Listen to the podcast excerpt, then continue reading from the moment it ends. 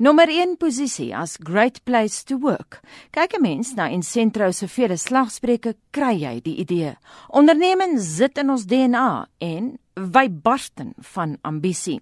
Maar laat Kurt Prins die filosofie agter al die positiewe energie self verduidelik. We're trying to be the happiest company in the world. Happy people excel at what they do and that's for us the main reason to start Incentro.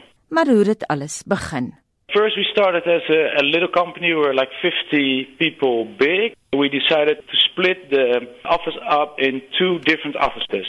We did it so we didn't have to make any hierarchy in the um, office. Geen hiërargie beteken minder bestuurders. Die struktuur wat as selfbestuur bekend staan, is gebaseer op verskillende selgroepe wat autonoom funksioneer. Dus geen pedantiese voorskrifte deur beter weet kollegas nie. Wat egter wel gemeet word, is die geluk van die werknemers. The culture. The culture is very important at Incentro, so we're trying to keep the happy culture within the company. Die logiese vraag is egter of selfbestuur prakties werk. Kurt Prins glo baie beslis. Now at the moment we haven't got managers left. So what's happened is that all the tasks managers have like finance or HR or recruitment or sales lies with the people themselves. So they're working in little cells, 8 till 10 big, and all the work managers did lies with the people themselves.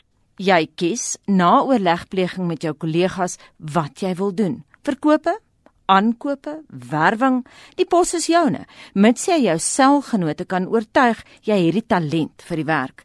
Sou die menslike natuur egter nie die eksperiment vnuik nie.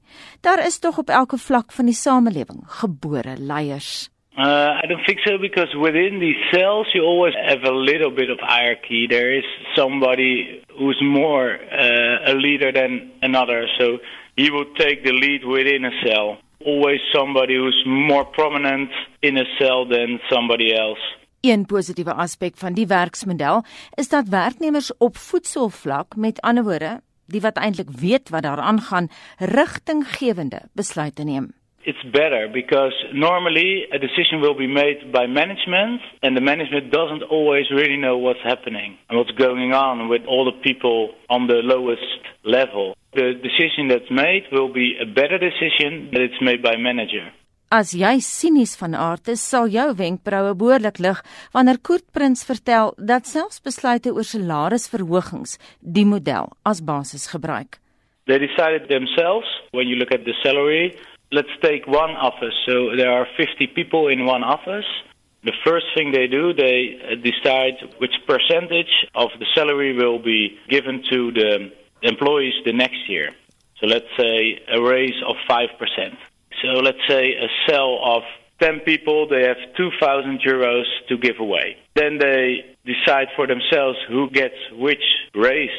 So they just talk about it with each other and then they give themselves a raise so no management is needed. I would imagine there would be no cell that would not give themselves a raise, human nature being what it is. But that's okay because the 5% they already decided about, that percentage can be given away.